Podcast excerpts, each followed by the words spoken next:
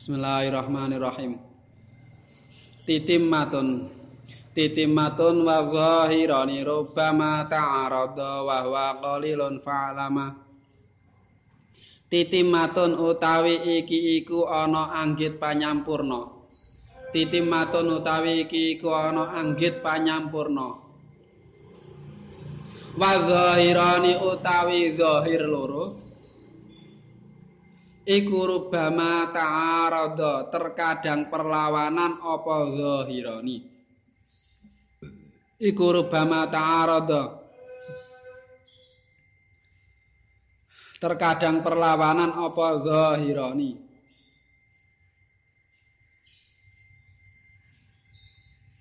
Wa huwa utawi ta'arud ta'arudu zahiraini wa huwa utawi ta'arudu zahira ini. Iku qalilun kang sithik. Iku qalilun kang sithik apa ta'arudu zahira ini? Iku qalilun kang sithik apa ta'arudu zahira ini? Fa'lama mongko weruh temen sapa sira? Fa'lama mongko weruh temen sapa sira al murad puna punika minangka anggit panyampurna.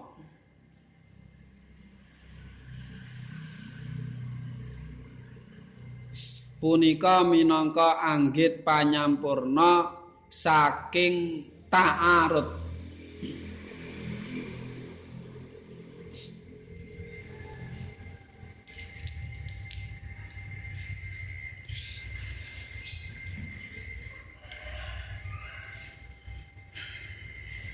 zahir kalih.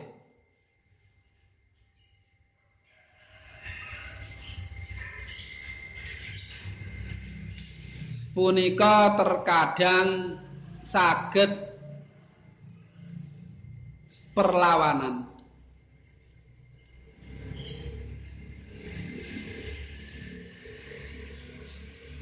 Zahir kalih punika terkadang saged perlawanan ananging masalah ingkang kados mekaten punika sekedhik.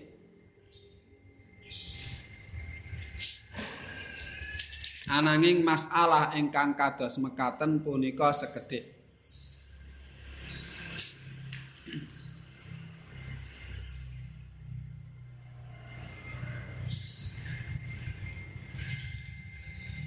Antawisipun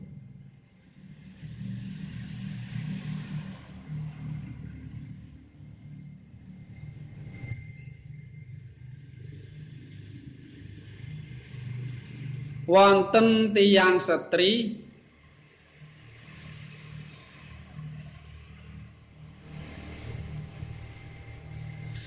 Ngakeni menawi sampun nikah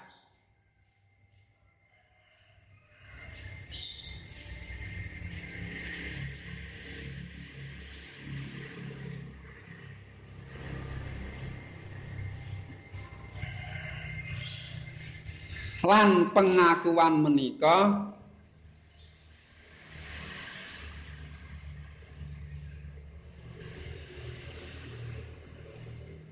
dipun leresaken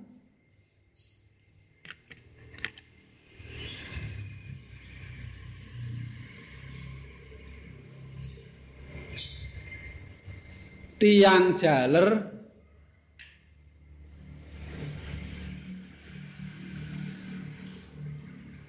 ingkang dados mukor lah.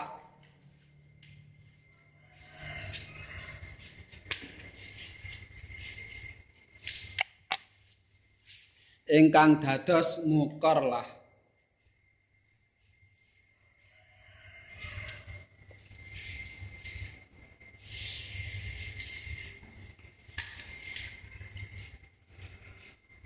Miderek kaul jadid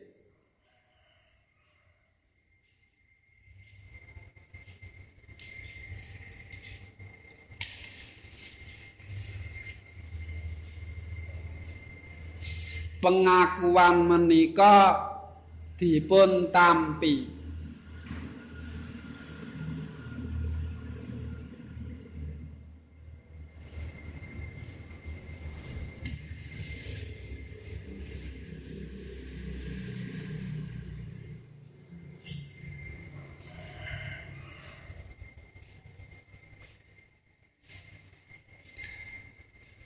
Kranten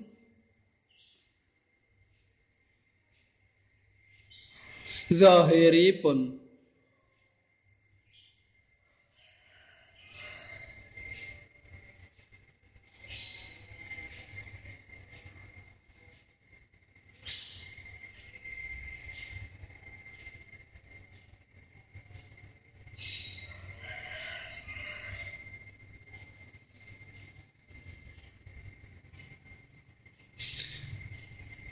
Tiyang kalih menika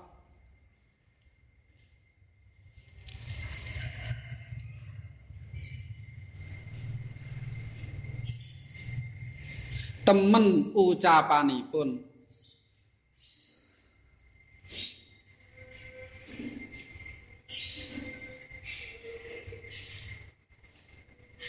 Nalika sedaya mastani leres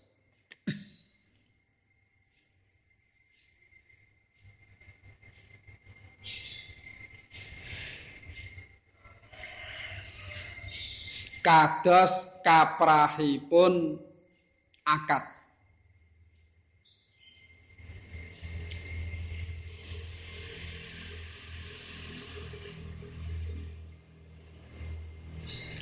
Dene miderek kal qadim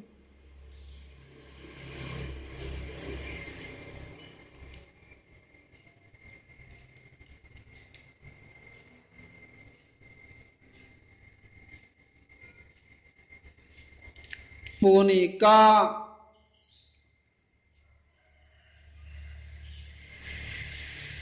pengakuan kala wau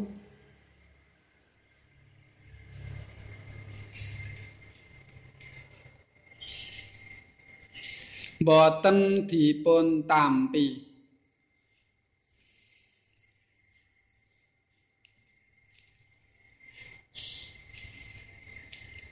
kejawi mawi seksi sampurno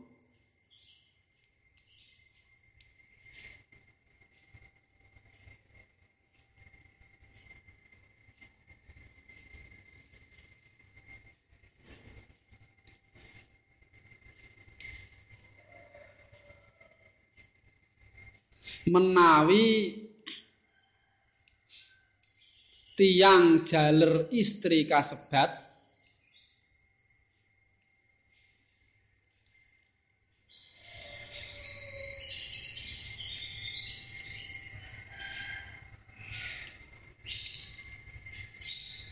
punika netepi manggen.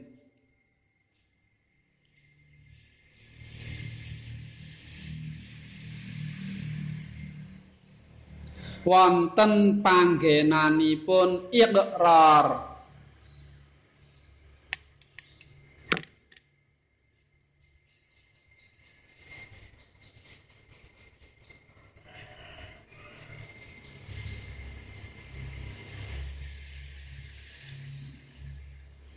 tegesipun sanes tiang badui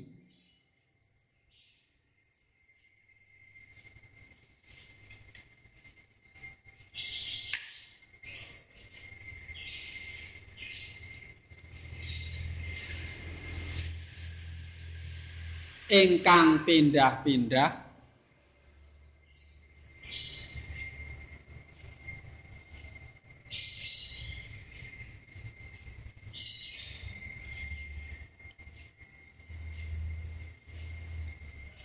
utawi tiang ngumbara.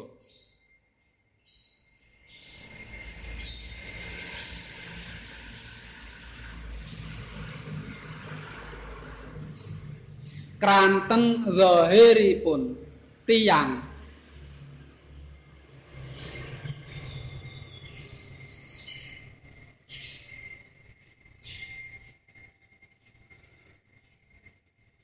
ingkang manggen netep.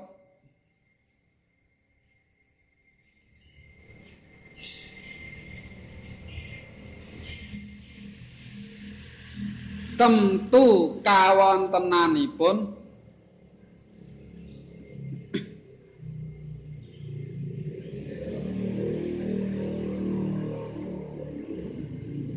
dipun mangertosi tangga tepalih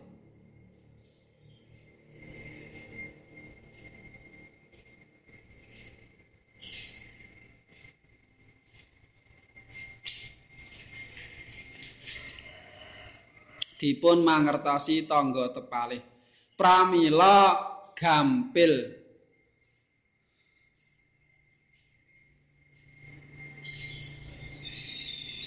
Menawi ndugekaken seksi. Pramila gampil menawi ndugekaken seksi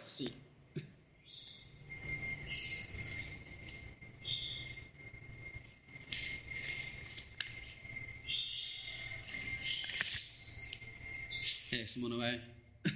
Bismillahirrahmanirrahim. Titim matun wa zahirani ruba mata arada wa huwa qalilun lama titim matun iki anggit panyamburna. Kena diwaca titim matun ya kena diwaca tatim matun sebab bina mudhaaf saka manut wazan fa'ala yufa fa'ala yufa'ilu taf'ilan taf'ilatan. Berarti tamama yutamimu tatmiman. Tatimatan. Cara wazan mestine tatmimatan. Taf'ilatan tatmimatan.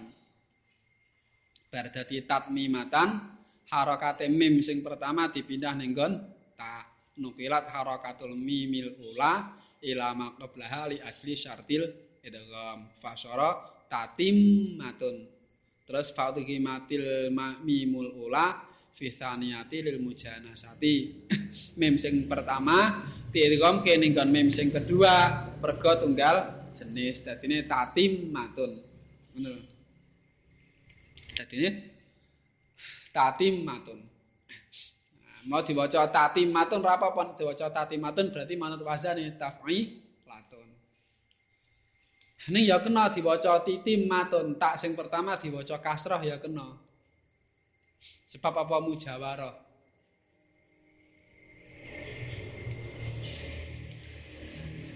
Sebab mujawarah. Wong gandeng harokat sakwise iku kasrah akhirnya juk melu-melu diwaca kasrah nah.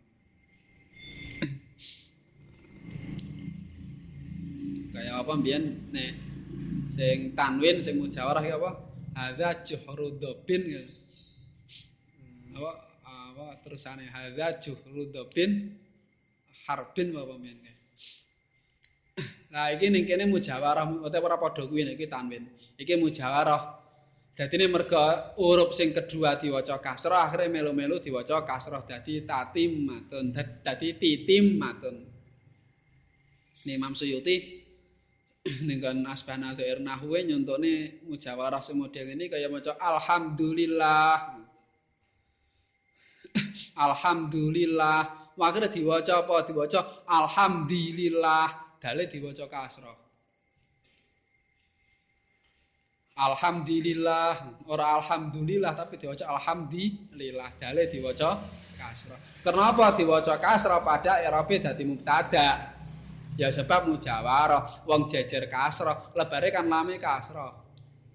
Gandeng jejer akhirnya ketularan ngono lho. Burine kasroh akhirnya melu-melu kasroh. Diwaca alhamdulillah. Padahal kudune alhamdulillah. Ana sing maca meneh ora alhamdulillah, alhamdulillah. Mergane sadurunge iku domah, domah dalem domah akhirnya lame melu-melu diwaca domah. Ya mergo apa? Mergo mujah waroh. Gandeng jejer akhirnya ketu laran. Cedek wong bakul minyak wangi ya melu wangi, cedek kebo gupak ya melu re. reget. Lagi cedek kasroh ya melu dadi kasroh, cedek domah melu dadi ndo. Domah. Ya ngono ki ana logat ngono kuwi. Nih jadi Imam uh, Suyuti dengan Asbana Nahwu. Alhamdulillah, alhamdulillah. Berarti nek cara diirabi piye ya irabi ya domah muqaddarah. Muni mana amin zuriha istighalul mahal bil harakah al muja bi harakatil mujawarah kelawan harakat mergo tetanggan. Tapi sing maca ngono iki langka tek ning kitab sing kerep ya titimatun kuwi. Asline tatim. Dadi ana alasane ki ana ibarate ning Ispanadzair Imam Imam Suyuti sing nahwu. Alhamdulillah, alhamdulillah. Piye to mubtada diwaca kasrah? Lho ora ngerti ilmune sampean. Mubtada diwaca kas diwaca ndoma iku lak nek mubtadake kan pede. Nah, ini tetep jajar kasrah ya tetep ndo. Nah iki ora kok ketularan tanggane, makane ya melu-melu kas kasrah. Dadi alhamdulillah. Oleh apa ora? Oleh nek ngerti ilmune. Ane orang ngerti ilmune, ane wis senajan bener ya tetep keliru di sini orang sebab apa ramyatun min ghairi? Ramin awang wong ora ngerti ya bener iku jenenge ngepasi. Ora iso dianggap bener ning dianggap ngepa ngepasi. Wah pinter ya oleh manah ya. Bisa anu ngenai titisan kabeh. Ya ora pinter asline ngepa ramyatun min ghairi ramin Mula kudu ngerti alasane iki ben ora ramyatun min ghairi ramin. Macane kok titimatun. Kok titimatun to ya sing ngono kuwi macane bener ngono kuwi. Gara ngomong ngono ora ngerti alasane ramyatun min ghairi ramin. Mula ngerti alasane jadi dadi bener. Ora ora ngepasi tok ning pancen ngerti ngel. Iku titim atau macane titim atau dijelasno ning apa kae sang suri sarai sarai sarai anu sarai kita faraid iku kono titim maton asluhu tatim maton diwaca lil mujar. Arane ditawa-tawana ya ning kono spanadzair imam Suyuti spanadzair nahwu. Itu spanadzair fikih. Map Imam Suyuti duwe jeneng spanadzair itu spanadzair nahwu. Pajan wonge kengalimen. Dadi yo kitab karangan iki akeh lek warna-warna apa wae duwe karangan iki? Iki Imam Suyuti. Biyen sinau kecilik sinau nganti dadi wong alim nganti dadi wong alim wis dakwah ngamula ngaji macam-macam umur 40 tahun dek mandek. Imam Makhri mulai 40 tahun iki Imam Suyuti wis kerep wis lah gaweane ngarang nganggit kitab Makhri kitab oke banget kan bidang apapun kaya duwe Imam Suyuti hadis ya duwe ning tafsir ya duwe ning barang-barang duwe termasuk nalika ngarang tafsir Jalalain nyempurnane Imam Mahali. Ya ora suwe kuwi kira 40 dina apa pira? Arek ngarang wis dadi. Banyak wonge kengalimen tadi terus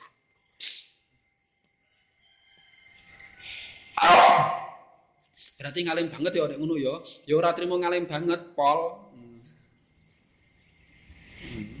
Sebab apa? Sing sing iso ditulis, sing ketulis dening para ulama iku baru sebagian saka ngilmune sing diduweni. Ora kabeh. Nalika sedo ya iso wae ngilmu sing ora di ora ora sempat ketulis. Iku sifate ngono kuwi. Mulane nalika maca kitab aja dibayang no, ngalim banget ya, aja dibayangno ngalimi ulama mung semono kuwi ora kuwi sing ketulis. Sebab akeh perkara-perkara sing ora iso ditulis utawa ora sempat ditulis. Eh kudu bayangno ngono sebab pancen nyatane ya ngalim tenan. Kayak sapa Imam Tobari. Nalika arep ngarang aku kok pengen ngarang kitab tafsir to.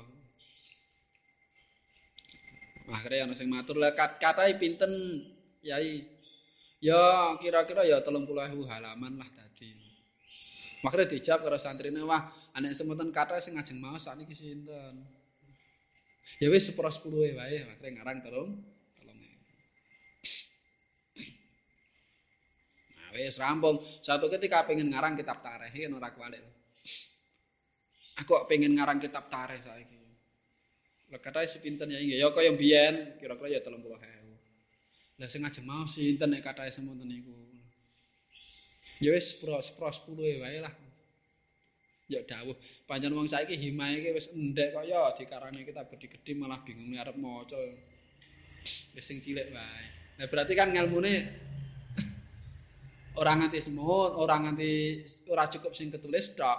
Tapi ngelmune pun punjul luwih akeh. kaya dhewe kaya dene Imam Syafi'i ngarang kitab Arisalah, kitab usul fikih sing pertama kali ning donya lah kitab Arisalah. Iki Imam Syafi'i ngarang kitab Arisalah iku dawuh apa? kitab Arisalah iku bar dikarang, dika dibaleni meneh. Diedit meneh karo beliau. Kok jeblane si ana sing kurang pas iki. Dandani meneh. Mandang wis rampung diedit meneh. Kaya kaya ana sing kurang pas iki. Dandani meneh nganti ping 70 ling revisi iku. Kaya ana ngrevisi tok ping 70. Akhire mandang ping 70 Imam Syafi'i dawuh lah pancen Gusti Allah ke ngresake ora ana sing sempurna kejaba Quran. Mula iki nek diwaca meneh ya mesti engko ketok kurange meneh, diwaca meneh ya ketok kurange meneh. Nah iku lembarane ping 7. Ane santri nih Imam Muzani le nyinaoni kitab Arisalah disinaoni ping 500. Aku tiap maca kitab Arisalah iku tak baleni ping 500. Tiap aku maca aku mesti nemu pemahaman anyar, mesti nemu ilmu ah. Anyar iku lembarane ping 500. Mula ngalim pantes wae lembarane ping semono.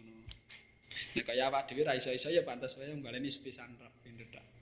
Sampai 500. Nah, iki Imam Suyuti kaya ngono. Iku ulama-ulama zaman biyen. Dadi ngelmune karo tulisan iku isih akeh ngelmune. Tulisane rada sepirakno. Beda nek karo wong saiki. Nek wong saiki ki anu kok. Apa muallafatuhu apa karangan-karangan kitabe karangane iku luwih ngalim daripada wong ini saiki. Ane mbiyen wonge karo kitabe iku ngalim wonge. Malah Mbah Esan Jampes nalika ngarang kitab Sirajul Talibin terus njaluk tasih karo Mbah Hasim Asari. Yo karo Mbah Hasim Asari ora diwaca kitabe. Di gawani sak gepok kitab Sirajul Talibin iku. Iki kitabe karo Mbah Hasim dideleh, cuma dilongi pirang halaman. Dicikuk. Pira acak ngono. Halaman pira, halaman pira, halaman pira dicikuk.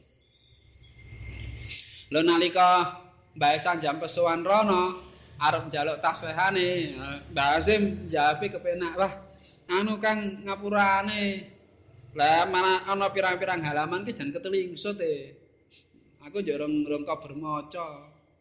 Lah kaca pinten yai sing sing boten enten.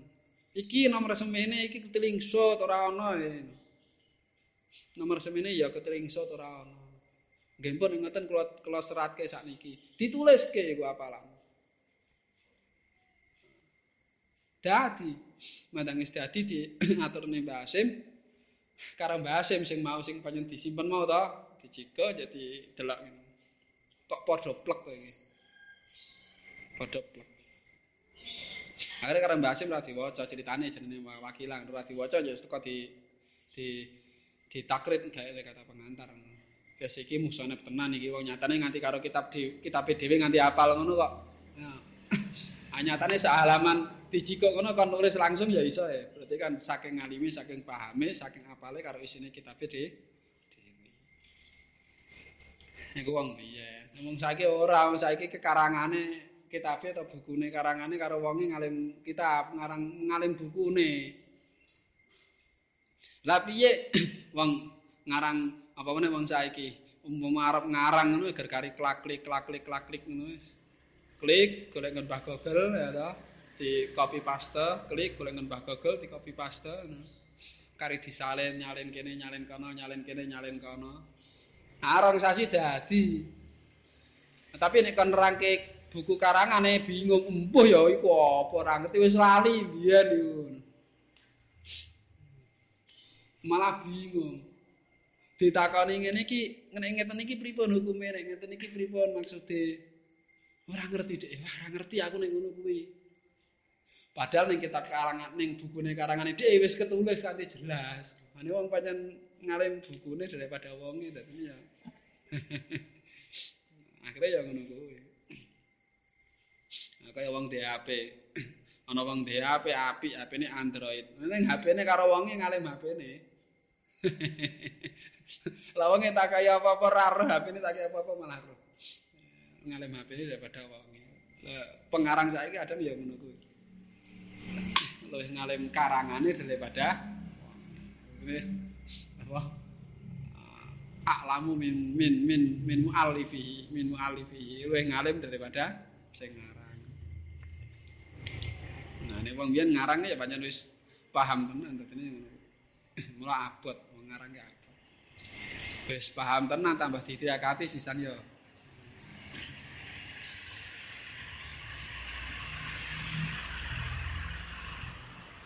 Ha Imam Imam Mawardi itu kitab karangannya gede jenenge Hawi Kabir. Hawi Kabir njalake madzhab Syafi'i pirang jilid apa 40 apa pirang lali aku. Jelasnya masalah madzhab Syafi'i itu ya Hawi Kabir dan Hakamus Sultaniyah wakil banget kitab kitab karangan wakil banget. Iku kitab-kitab karangannya itu le metu mandang beliau wis itu. Ini mandang mandang Arab yo kek matur. Aku ki duwe karangan oke ning ora tak tokne ket biyen mergane aku khawatir ngaku iku isih riya khawatir engko nek terus karanganku payu lah apa wake sing maca yo engko dadine aku riya dadi takabur dadi ujub. Akhirnya ra ditokne. Ya saiki cekelen tanganku aku lali wen gegem karo buka engko nek begem nek buka ngono berarti engko kuwi oleh disebarne. Makre tenan. Mateng wis itu kayak disebarno. Kayak konangan walah jeblane wong alim gede. Kuta parangane oh kayak wis semono wis terkenal ngalim. Abdul Qudat tapi kan kitab karangan-karangane bar ditokke sawise sih. Wong biyen. Ane wong saiki piye? Saiki ya warna-warna sing sing ikhlas ya iso akeh banget. Ning sing ora ikhlas ya Ane ngono berarti nek ngarang buku nunggu ikhlas. Ya justru akeh wong sing ra ikhlas iku yo akhire ndadekno dadi agama iki urip. Wargane yo ayidu hadatin bi rajul al fajir. Agama iki dikewarna karo wong-wong sing elek.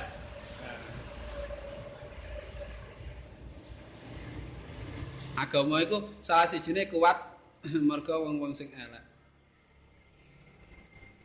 Tapi tafsiran dohir ya, tafsiran dohir. Sebabnya nek, nek di tafsiri sing asli ini orang ini. Ini tafsiran dohir sing terkenal lah. Nah buktinya apa? Lo, oke wong sing do mulang ngaji, oke wong sing do pidato, oke wong sing do ngarang kitab, tapi motivasi ini lah macam-macam. Wong ahli pidato, tukang pidato rono rene, tapi niatnya ben dianggap wong, ben dipuji wong, ben ngene, ben ngene, ben ngene. wong wong ngarang buku ngarang kitab ya tujuane ngono kuwi. Kadang tujuane geng golek duit lan macam-macam tapi justru ana ne wong ngono kuwi ya akhire sing ngaji. Ning ngendi-ngendi ya semarak to. Ngundang ngundang apa ngundang pengajian ya gampang. Arep golek ustaz sing model apa ya ana buku model ana apa model apa wae ana aja jalan nek wong dhek ikhlas kabeh ngono kae jane durung ikhlas durung resik atine rawani dakwah ngono. Sepi ya arep kataman golek sing pidato sapa ya angel iki. Golek pengajian umum padahal ning Jawa pengajian umum pendak dino ah ya kang nah iku salah dalane salah si dalane urip. Wis artine iki kan kono. Titim matun titim matun. Iku tak sing pertama mujawarah sebab sesandingan karo harakate ketetanggan ya ketularan. Wa zahirani rubama ta'arada wa huwa qalilun falama. Zahir loro iku terkadang pertentangan. Nek ning Arab didhawuhna ana pertentangan asal karo zahir ditafsir dadi papat. Jazmun bil asli jazmun bil zahir karo tarjih asli tarjihul zahir. Ana meneh ta'arudul asla ini. Asal loro ta'arud berarti rujiha al aqwa ana meneh saiki zahir loro ta'arud ya tetep kentutuane ya padha maklum sing jenenge ta'arud ya ndi sing sing rajih ngono. Saturane wis ngono kuwi.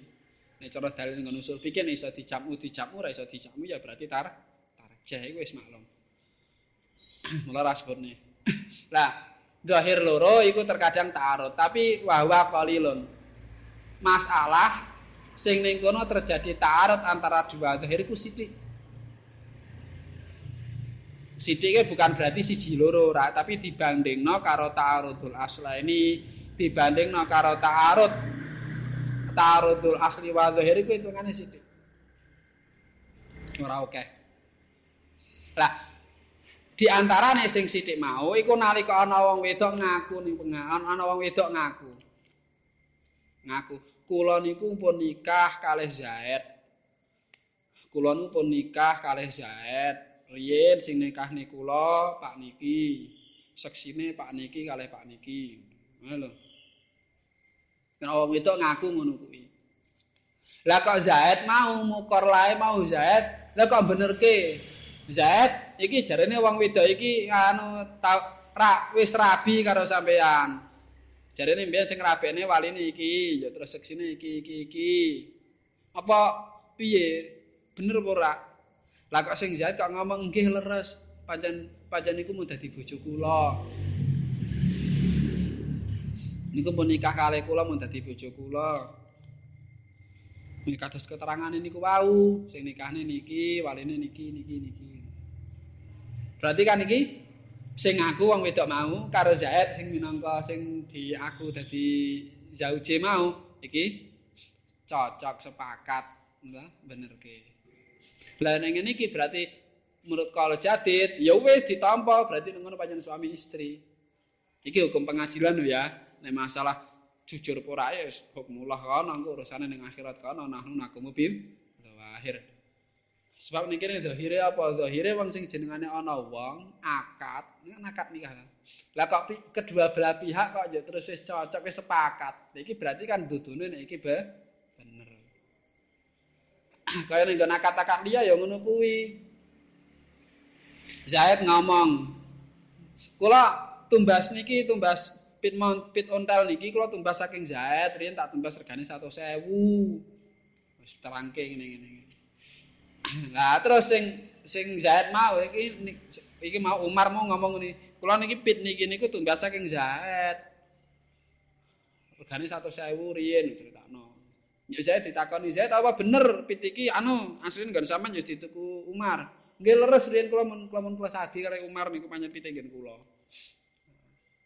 Ning ngene iki berarti azhir ya wis, berarti azhir ya berarti pancen pancen wis pancen wong loro sepakat ya wis berarti pancen bener ngono lho. Zahire ngono kuwi.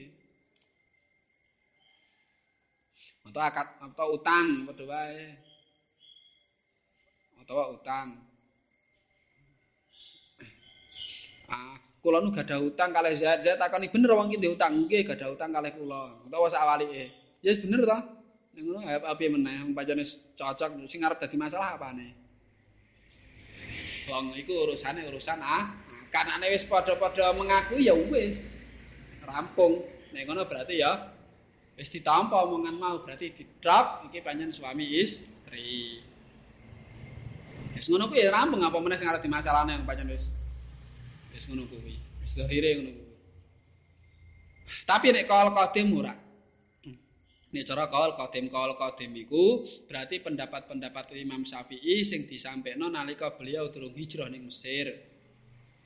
Sebab sebab Imam Syafi'i iku nate manggon ning Baghdad terus pindah ning Mesir. Imam Syafi'i lahir tahun 150, lahir ning Gaza. Gaza Palestina iku. Lahir ning Gaza Palestina. Tapi ibuke iku asline wong Mekah. lahir ning Palestina terus lepare digawa kontur ning Mekah wong panjen daleme ning Mekah Serak wis nanti bapak wisan yatim Imam Syafi'i. Akhirnya sing rumat ibuke. Ning Mekah tapi beliau wong ra duwe, ibuke ki wong ra duwe. Dadi nek ngaji ku kangelan Imam Syafi'i. Arep nulis sing arep nulis ning endi bingung sebab ora duwe. Nek cara saiki ora duwe sing arep tuku buku, tuku kertas ora duwe. Akhirnya angger ngaji ditulis ning kon balung-balung, ditulis ning kon lulang-lulang, ning kon godrong-godrong ngono. Sementing kok iso itu tulis. Engko bareng ngaji ngono iku lulang-lulang, godrong-godrong, balung-balung sing dinulis sing go bali. Disimpen ning omah wong panjen kuwi lek ngaji ta cara saiki kan buku kitabnya ya go bali ning kamar to. iku bare ning omah ngaji. Nganti oke meh kebuk kamare, Ya dawuh ibuke, iku apa oke banget kaya ngono iku. Wah ngebok-ngeboki. Buak wae ya. Mari Imam Syafi'i angen-angen waduh diguak ya piye semune akeh lek ngaji. e. Tapi ngistake dawuh ibuke ya diguak. Tapi saat diguak tiku ada palne kabeh. Mantengnya sapal kabeh terus di gua orang ngebek-ngebeki oh. Nalika ning Madinah ya ngono, bar-bar saka Mekah kan Imam Syafi'i njuk terus ngaji ning Madinah ning Imam Malik. Iku ya ngono. kerep angger Imam Malik kok nerangke Imam Syafi'i ki ra duwe sing arep nulis ning ngendi ra duwe. Akhire apa nalika Imam Malik nerangke iku Imam Syafi'i teko ditulis ning tangan ngono lho. Ora nggawa mangsi ora, teko nggo tangan driji tangan tengen nulis ning driji ning tangan kiwa ngono lho. Gayane kaya nulis. Hmm. Padahal ya ya ora ono tulisane, wae iku kaya nulis ki tangan driji ke nulis ning tangan. ora ana tulisane. Tapi ku ana faedahe, faedahe apa ditambah eling. Mula nek umpama ana faedah, ana pengetahuan baru sing ora kecathet, arep nyatet pas ora nggawa pulpen, ora nggawa alat tulis, wis teko hidayah tak nulis ning tangan. Iku engko insyaallah luwih awet daripada kata guru rumah kita. Sebab nyontoh Imam Syafi'i nalika ning Madinah. ning Imam Malik terus akhirnya beliau nanti ku ning ning Baghdad ngaji ning Muhammad bin Hasan murid Imam Abu Hanifah terus engko nanti nganti tekan Yaman tekan ngendi-ngendi mboro tekan ngendi-ngendi ngaji yo akhirnya netep ning Baghdad lo ning Baghdad pendapat-pendapatnya dadi kitab-kitab nah, sebagian dadi kitab-kitab terus nanti di santri barang ning Baghdad bar kuwi taun 198 berarti Imam Syafi'i umur 48 iku beliau pindah ning Mesir. Paning Mesir beliau nganggit kitab meneh lho pendapat Imam Syafi'i sing nalika ning Mesir karo ning Baghdad beda. Lah sing ning Baghdad diarani kaul qadim, sing ning Mesir diarani kaul jadid. Lho ngapa kok pendapatnya kok beda ya sebab hasil istihadi beda. Apa mergo terpengaruh lingkungan? Gara-gara ning kene Mesir ning ning Batat ya ora terpengaruh lingkungan apa. Dudu ter dudu terpengaruh lingkungan, terpengaruh lingkungan. Eman men mustahil terpengaruh lingkungan. Tapi ngapa ning Mesir kok beda sebab asih istihadi pancen be beda. Wong pancen Imam Syafi'i dasarane kan ya Quran, hadis, ijma, qiyas apa sak terus-terusane kae sing usul fikih kuwi. Dasar-dasare lak kuwi. Nah, ternyata mbalen istiad meneh hasil istiade be beda. Lah apa sing bisa mempengaruhi istiad dalil? Sing bisa mempengaruhi istiad iku dah dalil. Ana sing bisa mempengaruhi fatwa ya dalil terus uh, halul mustafti tingkai wong sing uh, jaluk fatwa lan sepanunggalane. Tapi di sini iki iki ya urusannya mergone masalah berbeda apa perubahan istiad ketika memandang dah. Yes, sing Mesir jenenge kaul jadid. Idza ta'aradal qadim wal jadid iku sing dimenangi kaul jadid kecuali dalam beberapa masalah no 14 apa piro sing tetep dimenangke qadim. Nek liyane kuwi iku sing digunakake jadid. Mula jumhur Syafi'iyah ndawuhna kaul jadid iku dianggap nasakh ning kon kaul ka qadim sehingga kal qadim ora oleh dienggo iku jumhur Syafi'iyah dawuhna ngono kuwi. Nah, tapi ba'du Syafi'iyah kaya Sayyidin Bakti Salam dawuhna al istihad la yung qadu bil istihad. Dadi nek kal qadim itu boleh dienggo. Tapi nek jumhur ora ora kena. Sebab dianggap nah nasakh. Ya siki iku nek kal jati, nek kal qadim ngene. Nek kal qadim ya didelok-delok wonge mau sing ngaku wong endi. Anek wong sing ngaku mau wong sing manggon netep ning daerah wonge ngaku mau ngono. Contone umpama ning Magelang kok sing ngaku ya wong Magelang dhewe. Ora wong Baduy nek wong Baduy kan nomaden pindah-pindah. Ora di omah jelas. Pindah pin, pindah utawa wong Umbara, wong Umbara ki wong lunga ger liwat tok. Ora, iki wong manggon netep. pancen berdomisili ning kono. Lah nek cara kal kadim ya tidak telok anek wong iku wong sing berdomisili ning kono. Wong sing manggon ning kono. Ya iki ora iso ditampa, omongane ora iso ditampa kudu ana seksine. Lah kok iso kudu ana seksine sebab ngene zahire iku nek perkara sing terjadi ya, peristiwa sing terkait karo penduduk, orang yang berdomisili, iku biasanya tangga teparone ya weruh. Mula harus ada pembuktian. Ora yo langsung ditampa. Lah piye jarane tanggane, piye jarane sedulure ya? Wong sing jenengane iki urusane wong sing manggon nah, kurang berdomisili ana ana apa-apa mesti tangga teparone kan ya weruh. Cara kudu nekane seksi kan ya ora angel. Mula kudu ana seksine, ora iso ya terus lah. Cukup cukup omongane tok. Nah, tapi wis mau wong loro mau wis anu ke wis wis cocok-cocokan wis ngomong kabeh bener ke. ya ora iso. Zahire iku nek sing jenenge wong ngantenan apa meneh ngantenan to urusane iki. Urusan ngantenan iku ya tangga teparo mesti weruh. Tak kon isih tangga teparone iku lele wong loro iki sepakat ngapusi. Nah, mula kudu ana. Lah iki ning kene kan pertentangan dua zahir, sing siji azahir iku sidquhu mawong loro mau jujur ketika memang wis padha omongane. sebab urusane urusan akad.